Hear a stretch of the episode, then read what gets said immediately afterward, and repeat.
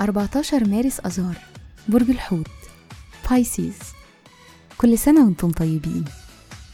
الصفات العامة للبرج صاحب الرؤية العاطفي المنقذ الحالم والشاعر الكوكب الحاكم لا يوجد.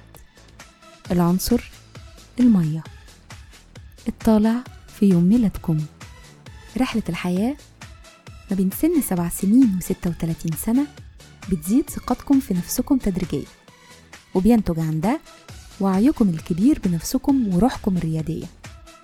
أما بعد السبعة وتلاتين فاحتياجكم للأمان المادي بيزيد وبتتمنوا إن الحياة تكون عملية أكتر.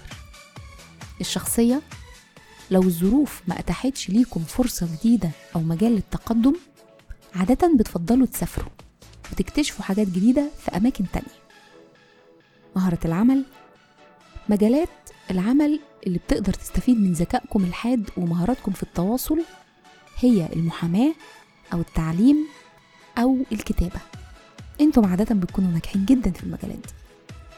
تأثير رقم الميلاد قدراتكم العقلية ومعرفتكم بمصلحتكم وتصميمكم دي أهم صفات بيديها لكم رقم 14 في الحب والعلاقات قلبكم دافي لكن ده ما بيبانش بسرعة للناس بسبب شخصيتكم اللي تبدو عادية.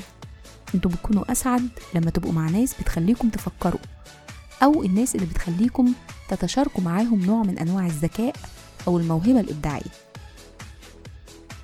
بيشارككم في عيد ميلادكم ألبرت أينشتاين الممثل الأمريكي بيلي كريستل القائد الكردي مصطفى البرزاني والممثل الإنجليزي مايكل كين. وكل سنة وأنتم طيبين.